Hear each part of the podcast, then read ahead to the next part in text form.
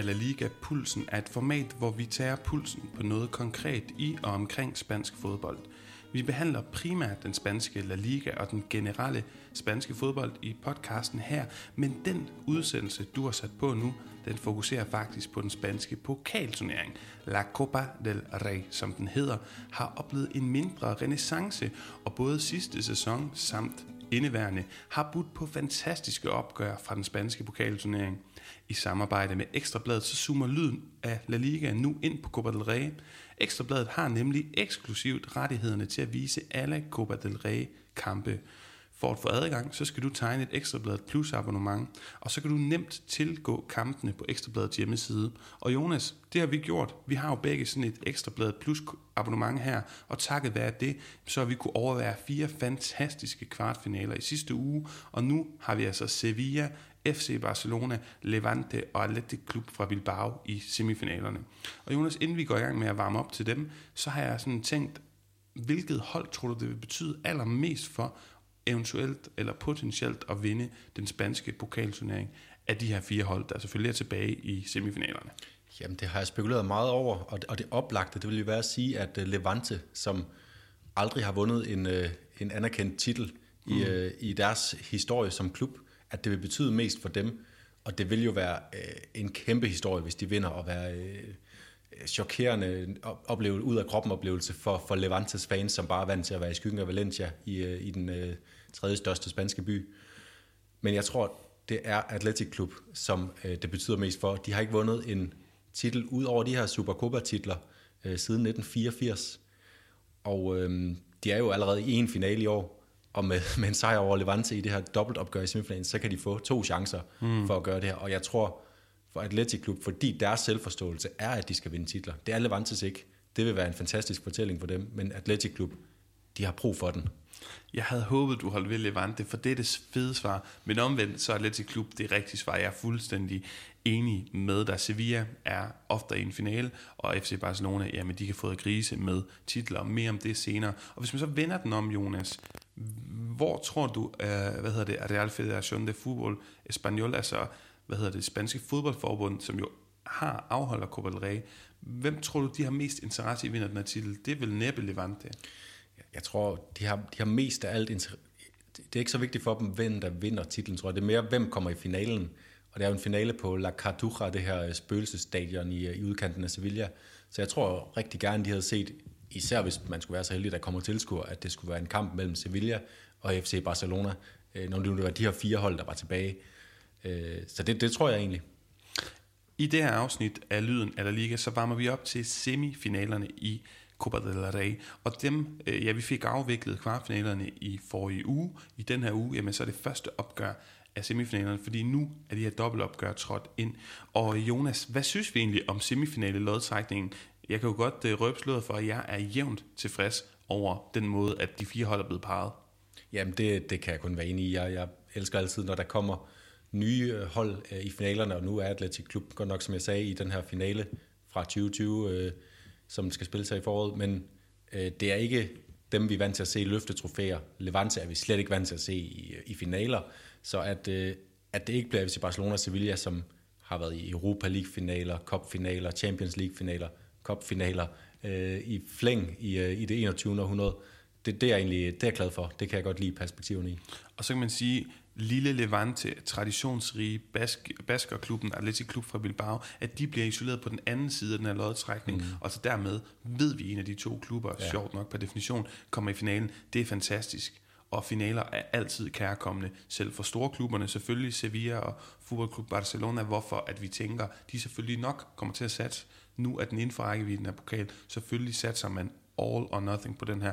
Men i Atletic Klub og Levante tilfælde, så er det jo ikke ligefrem hverdagskost at kunne spille med om et trofæ. Og, og, der, og det kan vi komme lidt tilbage til, men det er værd at bemærke, synes jeg, at finaleholdene, udover jo at få eventuelt øh, lov til at få sølvtøj hjem i form af Copa del Rey-titlen, jamen så vil de også være sikret en plads i den kommende sæsons Supercopa de España, som afholdes som et Final Four-stævne mm. i januar. Vi har lige haft den øh, 20 2021 udgaven, og det var jo øh, to baskiske klubber, Atletic Klub og Real Sociedad, så var det Real Madrid og Barcelona, masser af underholdning, masser af mål, forlænget spilletid, straffespark, kom efter dig, og sidst men ikke mindst, øh, Atletic Klub, der vinder den her titel, øh, der kunne man virkelig fornemme, at der er altså, øh, ja, der er præcis omkring det her, og man ville det rigtig gerne, så forestil dig, at Levante eller Atletic Klub igen har muligheden for at være med, hvor det er sjovt, og hvor det gælder i kommende sæsons Supercopa de España. Det er altså, øh, ja, det er virkelig fedt. Men Jonas, lad os starte med det, vi er her for. Yes. Varm op til det første semifinale opgør. Det er Sevilla mod Fodboldklub Barcelona, der spilles onsdag aften kl. 9. Og den vises altså som sagt på Ekstrabladets hjemmeside. Og der er jo tale om det her dobbeltopgør i semifinalen af Copa del Rey, så vi får returopgøret først øh, i Barcelona den 3. marts, og det er også kl. 21. Før vi varmer op til selve kampen, som er, altså er på onsdag, så lad os lige tage et kig på de to holds historik i Copa del Rey, Jonas. Ja, og, og hvis vi starter med FC Barcelona, øh, som vi også snakkede om i sidste uge, det er det mest vindende hold i øh, Copa del Reys øh, historie. 30 titler har de vundet imellem øh, 2000, øh, undskyld, øh, 1909, hvor de får deres første titel, og 2018, hvor de vandt deres seneste Copa. Øhm, de var også i finalen i 2019 mod Valencia, øh, og de har simpelthen vundet halvdelen af Copa del Rey-titlerne de seneste 12 år. De er en kæmpe magtfaktor. Sevilla, de har fem titler mellem 1935 og 2010, hvor de vandt deres seneste Copa-trofæ øh, med en finalesejr over Atletico øh, Madrid.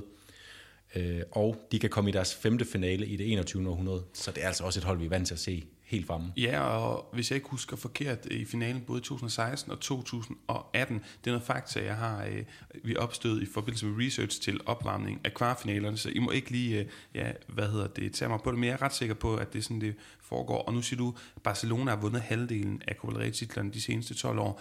En anden måde at kigge på det, det er, øh, jeg tror det var 8 af de sidste 10, hvis ikke 8 af de sidste 9 finaler har de været i. De er der altid. Ja. Det kan være, at de engang mellem øh, taber mod for eksempel Valencia eller Real Madrid, men de er der altid. De er så gode mm. til at få prioriteret den her smukke spanske pokalturnering. Og de har kun tabt 11 finaler i historien, vundet 30. Det er også en rigtig god øh, finale, hvor det normalt bør være cirka 50-50 mm. øh, finalehistorik. Jonas, en oplagt måde at kigge på de her kvartfinaler, det er, eller undskyld, semifinaler, det er jo netop at kigge tilbage på kvartfinalerne. Hvordan gik det dem? Kan du ikke lige tage os igennem med Sevillas vej, eller ikke vej, den havde vi sidst, men netop deres kvartfinaleopgør mod Almeria? Det kan og de, og de fik den på papiret nemmeste lodtrækning i kvartfinalen. De trak øh, det eneste øh, tilbageværende øh, sekundahold på det tidspunkt, Almeria, Andalusisk derby. Øh, Sevilla, de vinder kampen 1-0. Øh, Lopetegi han roterede lidt, men bibeholdt egentlig i store øh, grundtræk en stamme af, af spillere, som lignede et hold, der satte sig på at vinde Copa del Rey. Øh, det var sådan en lidt langsomlig affære. Sevilla, de havde ikke nemt ved at bryde Almeria ned, selvom at kuriøst nok Almeria, de havde sparet en del profiler. De ligger i en tæt topstrid i Segunda. Deres topscorer Umar Sadik kommer ind øh, med 20 minutter igen for at lige prøve at ruske det hele op og måske hive et lille mirakel hjem. Men Sevilla, de får altså de får uden besvær. De scorer kun et mål, men de, lukker, de giver Almeria nul chancer for at komme tilbage i kampen, og en meget overbevisende vej til semifinalen for Sevilla. Og så øh, har vi jo i seneste runde set øh, Lopetegis mandskab her Sevilla vinde 3-0 over Getafe, de gør det godt mm. i ligaen. Det er et super godt, stabilt hold, det her Champions League, og det mod Dortmund coming up. Vanvittigt godt hold, der sagtens skal volde Barcelona problemer. Er det så med den baskiske træner ved roret? Det kan vi være i tvivl om, fordi der var jo de her skamysler og håndgemæng i, øh, i, i, i weekendens opgør mellem, mm. mellem Sevilla og Getafe. Og det vi ved, PT, det er, at hvis, øh, hvis, øh, hvis de rigtige instanser, der ligesom skal vurdere de her ting og give de her straffe øh, i Spanien, hvis de vurderer, at det er lave, altså hvis det er en lille ting, han har gjort Lopetegui i forbindelse med, og lidt opildende til de her skamysler og råbe nogle, nogle ting, og, og han voldelig opførsel, jamen så må han gerne være med, fordi så er det den næste ligakamp, han skal sidde over, mm. altså har karantæne. Hvis det er Gaddafi, hvis, det er, hvis de synes, det er for voldsomt det her, og det simpelthen er en slem, slem tilfælde af usportslig opførsel, jamen så kommer han ikke til at være med. Og det er lige de her timer, øh, efter den her podcast bliver optaget, at det bliver vurderet. Og hvis jeg kender spansk øh, sportsdomstole ret, så har det, kommer det til at have noget at gøre med, om han har sagt noget øh, af et eller andet krænkende karakter øh, rettet mod øh, dommerteamet, eller som dommerteamet har, har overhørt. Det er rigtig meget et, øh, et og man krænker dommerens ære, det, det er ja. ret tit afgørende i de her. Fuldstændig. Man kan sige, la concha de tu madre, hijo de puta, alle de her ting, så meget man har lyst til i Spanien, så længe det ikke er rettet mod autoriteterne. Præcis. Fuldstændig rigtigt set, øh, Jonas. Hvis vi lige hurtigt skal kigge på Barcelonas kvartfinale, de måtte jo ud i et super dramatisk comeback imod Granada, som efter forlænget spilletid endte 5-3 til katalanerne. Umtiti, han lavede et par personlige fejl, lad os kalde det halvanden personlige fejl, så Granada kom foran 2-0, hvorefter Antoine Griezmann var fuldstændig fantastisk i det her senere og dramatiske opgør. Den blev så 2-2, men kolumbianske Luis Suarez, og det er altså ikke ham af Uruguayaner, vi kender fra Atletico Madrid, det er en segunda øh, hvad hedder det, angriber, som Granada har hentet og gør det rigtig godt. Øh, han var sindssygt tæt på, efter at Barcelona kom tilbage på 2-2 med en friløber, mm. og sige, ved du hvad, det er fint, Barcelona er kommet tilbage, men I kan glemme det, vi vil videre i semifinalen. Det formåede han ikke, og det kom til at koste rigtig dyrt, for i forlænget spilletid, så var det mål af Griezmann, Jordi Alba og Frenkie de Jong, som slukkede håbet for Granada, og altså sendte Barcelona videre. Jonas, inden vi kigger konkret på øh, kampen, så kan du ikke lige præsentere lidt omkring de indbyrdes opgør. Jeg kunne forestille mig, at Barcelona har en hissig hissig balance imod deres, øh, ja, en, hvad hedder, en dominans i, deres favør. Ja, så mod næsten alle andre, øh, undtagen Real Madrid, så har de en, øh, en klar, klar fordel historisk set. De har spillet mod hinanden 172, de her to historiske klubber i Spanien. Barcelona de har 95 sejre, Sevilla har 40, og de har spillet uafgjort 37 gange. Så det er altså ikke givet, at Barcelona er, er kolossale favoritter. Messi til gengæld, han har scoret 37 karrieremål mod Sevilla. Det er den klub, han har scoret flest mål mod. Det er altså hans yndlingsmodstander, han skal op mod her. Og øh, så fik Sevilla nogle ordentlige kopasnitter i Barcelona i de sidste møder, de har haft i pokalturneringen. Øh, 6-1 øh, vandt Barcelona i andet kvartfinalopgør i 2019, efter Sevilla havde vundet 2-0 hjemme på Ramon Sanchez Pizjuan. I finalen i 2018 vandt Barcelona 5-0. Et absolut øh, ydmygende finale-nederlag, som, som det er sjældent, man ser et hold øh, gå, gå så meget ned mm. i finale. Det er en finale, jeg blandt husker for Andre Desiniers, der er det ikke rigtigt nok, at det, jeg tror, det er hans sidste kamp. Det er en af hans sidste kampe. Han når for en ligakamp efterfølgende, fordi finalen ligger lidt tidligt, men hans sidste store kamp for, for FC Barcelona som anfører. Så Jonas, nu er du allerede begyndt at varme op til det her øh, Sevilla mod Barcelona ved at introducere de indbyrdes opgør.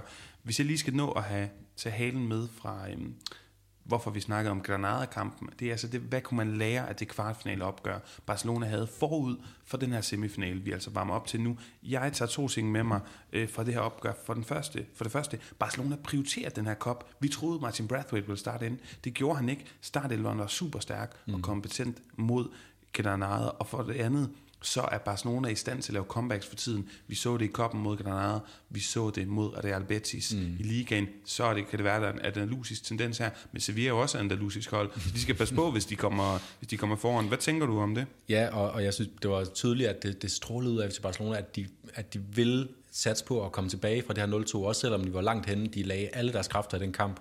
Og i weekenden, La Liga-kampen mod Betis, der så vi så også, at de faktisk sparede, øh, Øh, de startede på, på bænken med Lionel Messi, med Pedri og Frankie de Jong, tre af de, af de første kort på de seks forreste pladser øh, i Ronald Koemans startelver. Så de er 100% klar til, til første kamp her i, i Sevilla i midtugen. Så det er en, det, det er en turnering, øh, Ronald Koeman har sat sig for, at de skal vinde. Og hvis vi så kigger på kampen, en populær ting at snakke om, det er jo kampe i kampen. Og jeg kan introducere nogle af dem, og så kan du fortælle mig, om du synes, nogle af dem er lidt forsøgte, eller nogle af dem er mere reelle. For der står jo faktisk to gamle Real Madrid kendinge over for Barcelona i den her semifinale, nemlig Lopetegi, hvis han altså får lov, Sevillas cheftræner, som jo både har fortid som spiller og træner i Real Madrid, og øh, midtbanemand Oscar Rodriguez. Omvendt så er der også nogle Sevilla-spillere, som har en Barcelona-fortid, Ivan Rakitic, Alex Vidal og, og Munir El Haddadi. Og du har jo faktisk også Clement Longley, altså den franske midterforsvarer i Barcelona, som er tidligere Sevilla, og hvis man skal tage den helt ud, og den ved jeg måske godt er lidt søgt, jamen det kan være, at Junior Firbo har et horn i siden på Sevilla, for han er jo tidligere øh, Real Betis-spiller, altså Sevillas ærkerivaler. Skal vi ligge noget i nogle af de her? Øh, ikke det store, vil jeg sige. Altså Lopetegi kunne der være noget i, men han var trods alt træner i Real Madrid så kort øh, hektisk periode, at mm. jeg tror ikke, han, han repræsenterer ikke Real Madrid på den måde øh, for FC Barcelona-spillerne. Oscar Rodriguez kommer han overhovedet til at spille. Øh, måske kunne der være noget for, for de der øh, tidligere Barcelona-spillere. Det, det er tit den vej, det går. Mm. Altså Clement Langlais, det er meget sjovt at komme tilbage til Sevilla, men det er ikke, fordi han har en hævntørst over for mm. Sevilla. Mm. Det kunne øh, sådan en som Rakitic måske godt lidt have, fordi han lidt er blevet skibet ud som værende for gammel. Øh, men jeg tror i kampen, der kommer det ikke til at betyde det store, de her, øh, de her opgør i kampen. Vi har jo to 4-3-3 hold over for hinanden. Hvis vi skal prøve at snakke lidt om det, og helt konkret, hvem der kunne starte inde. Vi mm. så Lukos Campos øh, gå ud med skade i Sevilla sidste opgør. Krem mod Jenny. Måske Papu Gomes det her altså, hvad hedder den argentinske stjernespiller, der er kommet fra Atalanta, stjerneoffensiv spiller, får lov at starte ind. Han scorede øh, i sin debut i ligaen mod, mod Getafe. Han, han kommer nok til at få hjælp måske af Acuna, den her venstre bak. Mm. Man kunne spekulere lidt i, at uh, uanset hvem der spiller i, i, hvad, hvad hedder det, i Sevillas venstre side, at de måske vil prøve at, at gå direkte efter den højre bak, der måske spiller for Barcelona, Mingasa, som mm. helt klart er det svage led. Hvad tænker du om dem? Ja, det, det tænker jeg også, og det, det er jo spændende. Øh, det, det, det er trist for Sevilla, at de er uden Ocampos, men jeg tror måske, det er godt, altså så meget kommer det ikke til at betyde, fordi Ocampos, han har faktisk ikke været helt vildt godt spillende den her sæson. Han har fået scoret nogle mål og så videre. Mm. Jeg synes ikke, han har været helt vildt godt spillende. Øh, og Papu Gomez så vi jo, han øh, fik øh, scoret et fremragende mål øh, i weekendens øh, afklapsning af Getafe. Så måske vi kommer... Jeg, jeg, jeg tror stadigvæk ikke, han kommer til at starte ind Papu Gomez. Det er for stor kamp. Han er for ny. Øh, så jeg, jeg forestiller mig, at, øh, at det bliver faktisk Munir, øh, som har en fortid i Barcelona, og, og som også fik scoret i weekenden mod Getafe, mm. at han kommer til at starte på den her venstre side og skal udfordre, øh, udfordre Mingueza, som mm. er lidt, lidt shaky bag til. Med mindre øh, at øh, Satino Dest Bliver finder vej tilbage. Ja, og det kunne være interessant. Øh, I Spanien snakker om det her med La Ley del Ex, øh, altså X kæresten er det jo i teorien øh, en reference til ekskærestens lov, og det handler om det her med de her eks, altså spillere, vi snakkede om før, for eksempel Munir, der er eks-Barcelona, skal han tilbage, det er en lov, snakker man om i Spanien, at de altid kommer tilbage, mm. og øh, hvad hedder det, Honda, altså hjemsøger deres gamle klubber. Det var fantastisk. Det vil være nogle fede, øh, fede, fede narrativer, ligesom hvis Clement Longley lige pludselig dukker op og, og scorer mod sin gamle klub. Det tyder dog ikke på, at han havde den største afbrænding, jeg nogensinde har set ja, på et, et helt frit hovedstød i weekenden, så jeg, jeg tror ikke, han kommer til at score lige for det. Det er rigtigt, han var super, super rusten i den, i den kamp der i weekenden, og den, den mulighed, han øh, fik mod Real Betis. Hvis vi, øh, Jonas, kigger lidt mere på andre dueller i kampen, midtbaneduellen, hvordan ser du den? Altså, det er jo to stærke midtbaner. Bliver det afgørende, hvem der kan sætte sig på øh, bolden, og altså også ja, med sin midtbane? Ja, og, og det, det tror jeg, det gør, og det, og det er også der, der kan komme noget spændende i, øh, i når vi kommer til at se startopstillingerne, om for eksempel Lopetegi, kunne han finde på at gå med, med Susu på den ene side, og Oliver Torres på den anden side, mm. så det pludselig er et meget øh, kombinationsstærkt øh, Sevilla-hold, der kan tage bolden fra FC Barcelona, fordi så er de sårbare. Men det er, altså slaget og midtbanen, det er det helt spændende i den her kamp. Det er, det er de rutinerede Fernando og Rakitic, sammen med øh, Juan Jordan, den her fantastiske øh, midtbanespiller i Sevilla, øh, mod Barcelonas sådan revitaliserede træer midtbane. De har været ude øh, i nogle forskellige kombinationer med doble pivote. Øh, men nu er det altså Busquets, der ligger bagerst, Pedri og De Jong foran ham som henholdsvis 8 og lidt mere 10'er.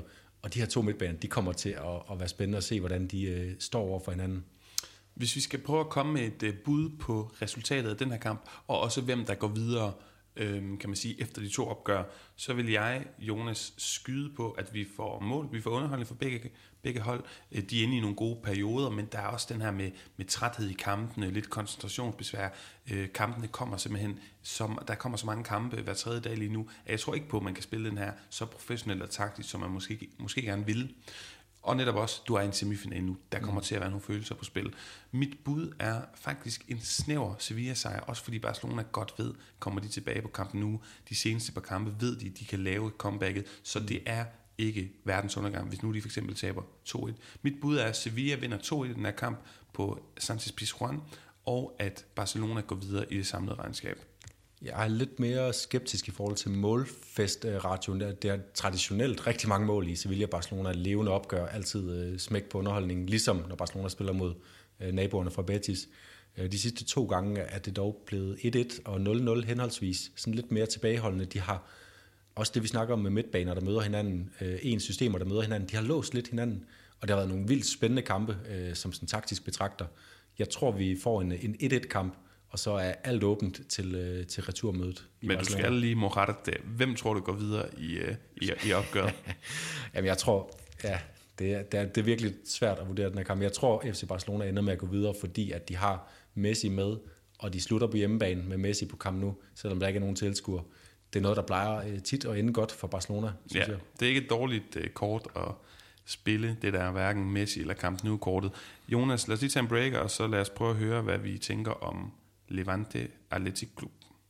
Como dije recién es difícil, pero no tengo duda que vamos a seguir porque este grupo tiene mucha gana y mucha ilusión por seguir consiguiendo cosas.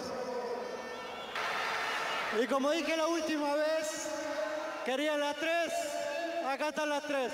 Vica el Barça y Vica Cataluña.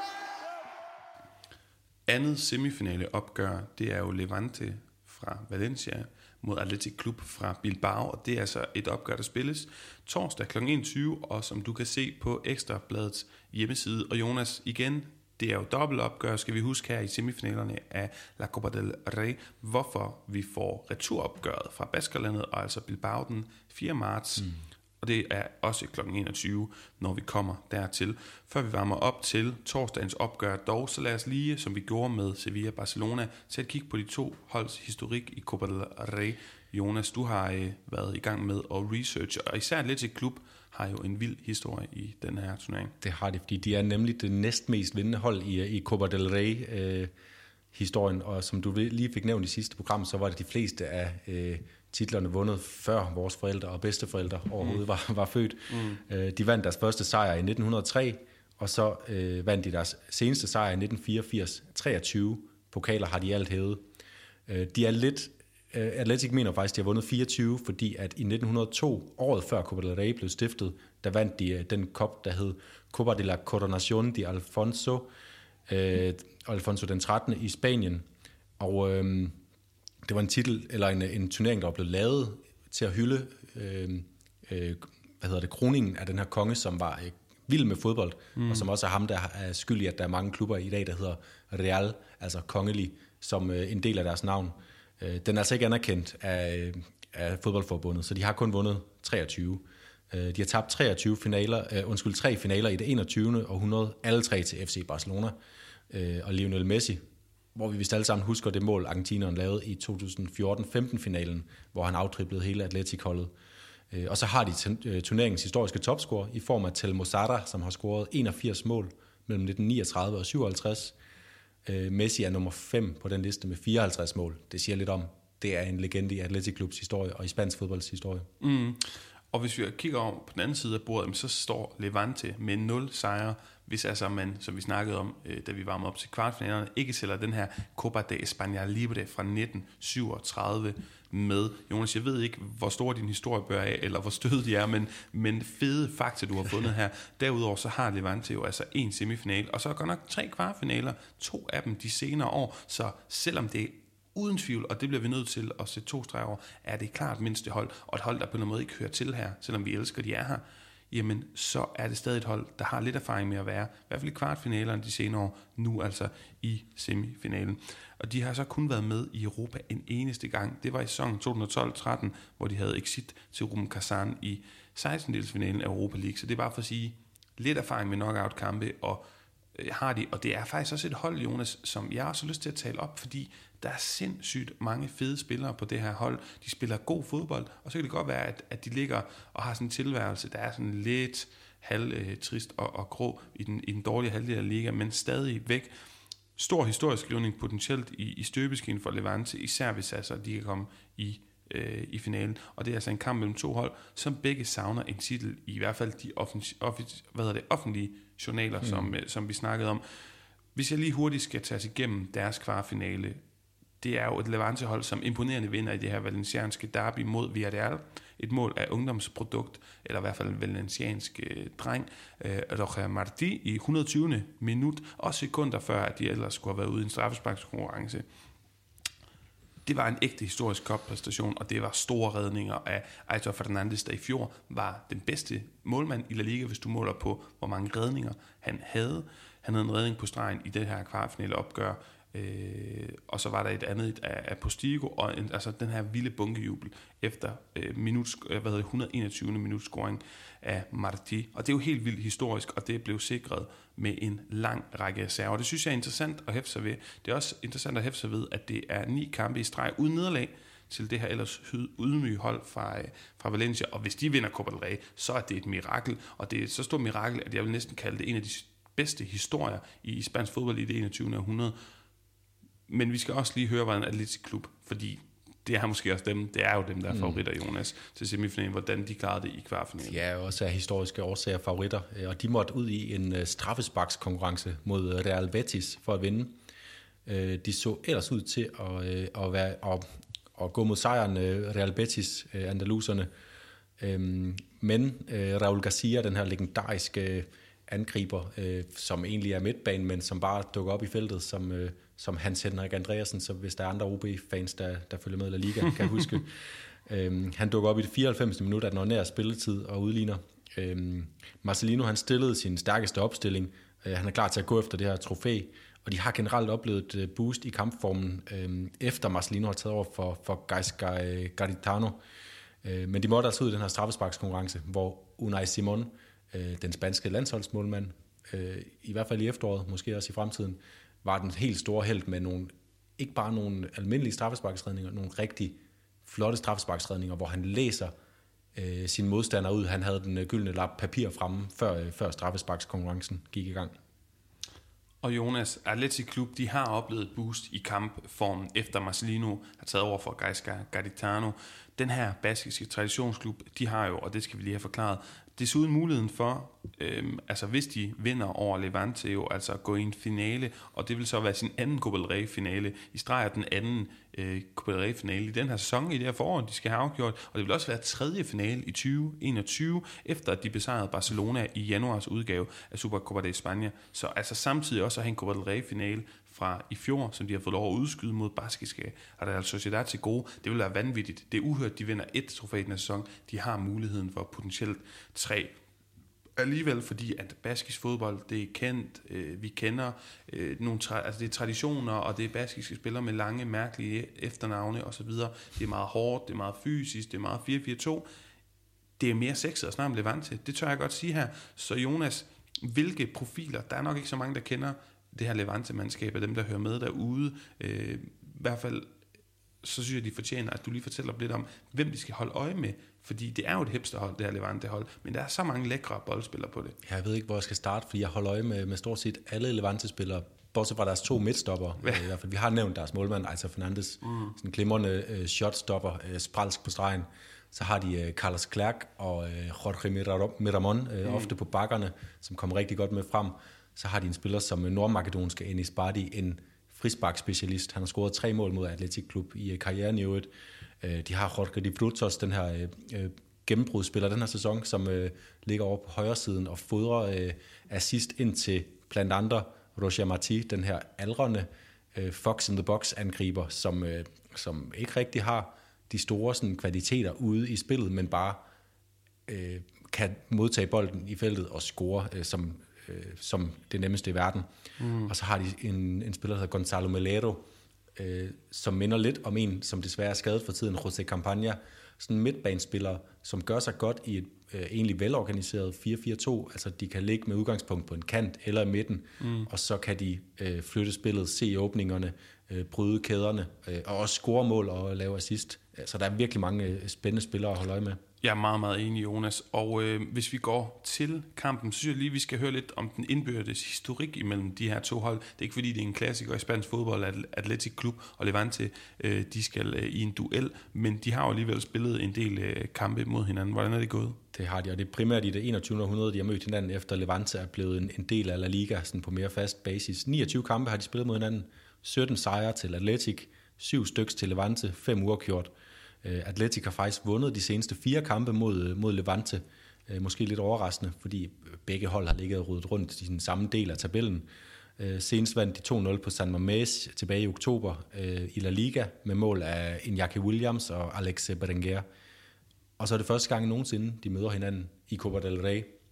En historie, der er eller en, en turnering, som er 117 år gammel. Det, mm. det er egentlig lidt utroligt. Det er faktisk ret utroligt, ja.